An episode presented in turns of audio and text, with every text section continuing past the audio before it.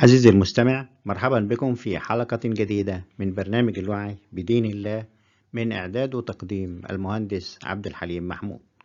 موضوع الحلقة اليوم هو قول الله تعالى قد تبين الرشد من الغي السؤال بتاع الحلقة النهاردة هو موجه ليكم أنتم. هل عمرك سألت نفسك عن الرشد والغي؟ يعني مثلا هل سألت نفسك إيه هو الرشد؟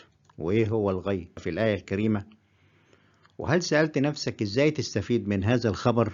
واحد يقول لك إيه خبر إيه؟ خبر إن قد تبين الرشد من الغي ده خبر من الله سبحانه وتعالى في الآية طب هي الآية بتقول إيه؟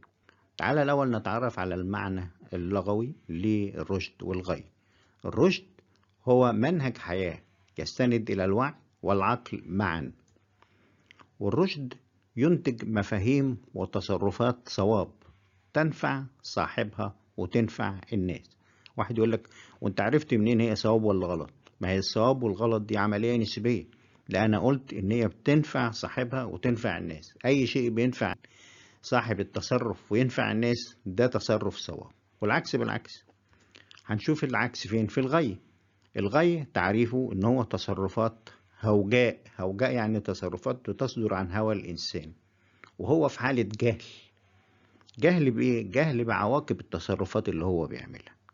والغي ينتج مفاهيم وتصرفات خاطئة تضر بصاحبها وتضر بالناس. نفس السؤال تاني وأنت ليه بتقول إن هي خاطئة؟ بقول لك لأنها بتضر بصاحبها وبتضر الناس. طيب السؤال التاني بقى إزاي الإنسان يستفيد من تبين الرشد من الغي اللي ربنا بلغنا بيه في القرآن؟ فين الآية اللي بتقول؟ تعالى نقرأ الآية. لا إكراه في الدين قد تبين الرشد من الغي. فمن يكفر بالطاغوت ويؤمن بالله فقد استمسك بالعروة الوثقى. لا انفصام لها والله سميع عليم. دي الآية 256 من سورة البقرة. ربنا سبحانه وتعالى عايزك تشوف بينات الرشد والغي اللي في آياته. هو ده الفايدة من الخبر. بيقول لك إن في بينات للرشد وللغي في القرآن بينتها البيانات تبين يعني في بيانات تبين يعني في علامات أو في إضاءات. فلما في علامات وفي إضاءات زي ما يكون في أنت ماشي في طريق وفي علامات وفي إضاءات فتشغل عقلك فبتعرف فين الصح وفين الغلط. فين الطاغوت وفين الغي أو فين الطاغوت اللي بيولد الغي انت تكفر بيه. وفين الطريق العكسي اللي هو طريق الإيمان بالله وما فيه من رشد.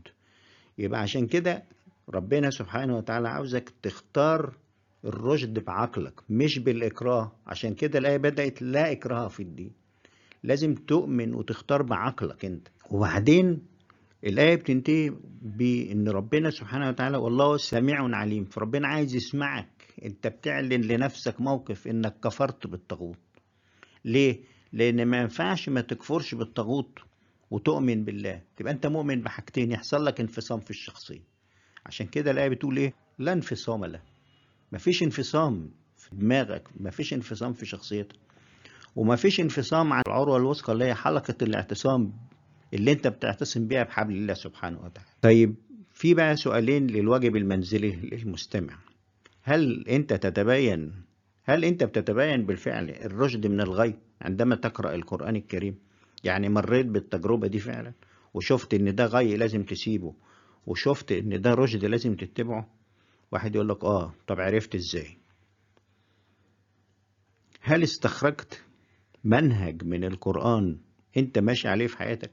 فهو ده منهج الرشد اللي أنت ماشي عليه. هي دي العلامة على فكرة. لو ما كنتش استخرجت منهج للرشد أنت ماشي عليه في حياتك يبقى أنت لم تتبين بعد منهج الرشد من الغي. السؤال اللي بعده اللي هو الواجب بتاعك في البيت. هل تبينت من القرآن رشدا شفته بيتناقض مع كتب التفسير والفتاوى؟ إذا لم تجد هذا التناقض فأنت لم تتبين بعد الرشد من الغي. لو محتاج مساعدة في تبين الرشد من الغي في آيات الله أو محتاج مساعدة في تدبرك لآيات الله خلينا نتواصل مع بعض. ابعت لنا إجابات السؤالين دول وأي أسئلة ليك على الواتس اللي مكتوب على الشاشة أو على موقعنا على الإنترنت اللي واضح على الشاشة أو على الفيسبوك أو على اللينكدين وإلى هنا نصل إلى نهاية هذه الحلقة وإلى اللقاء في حلقة جديدة من برنامج الوعي. بدين الله والسلام عليكم ورحمة الله وبركاته.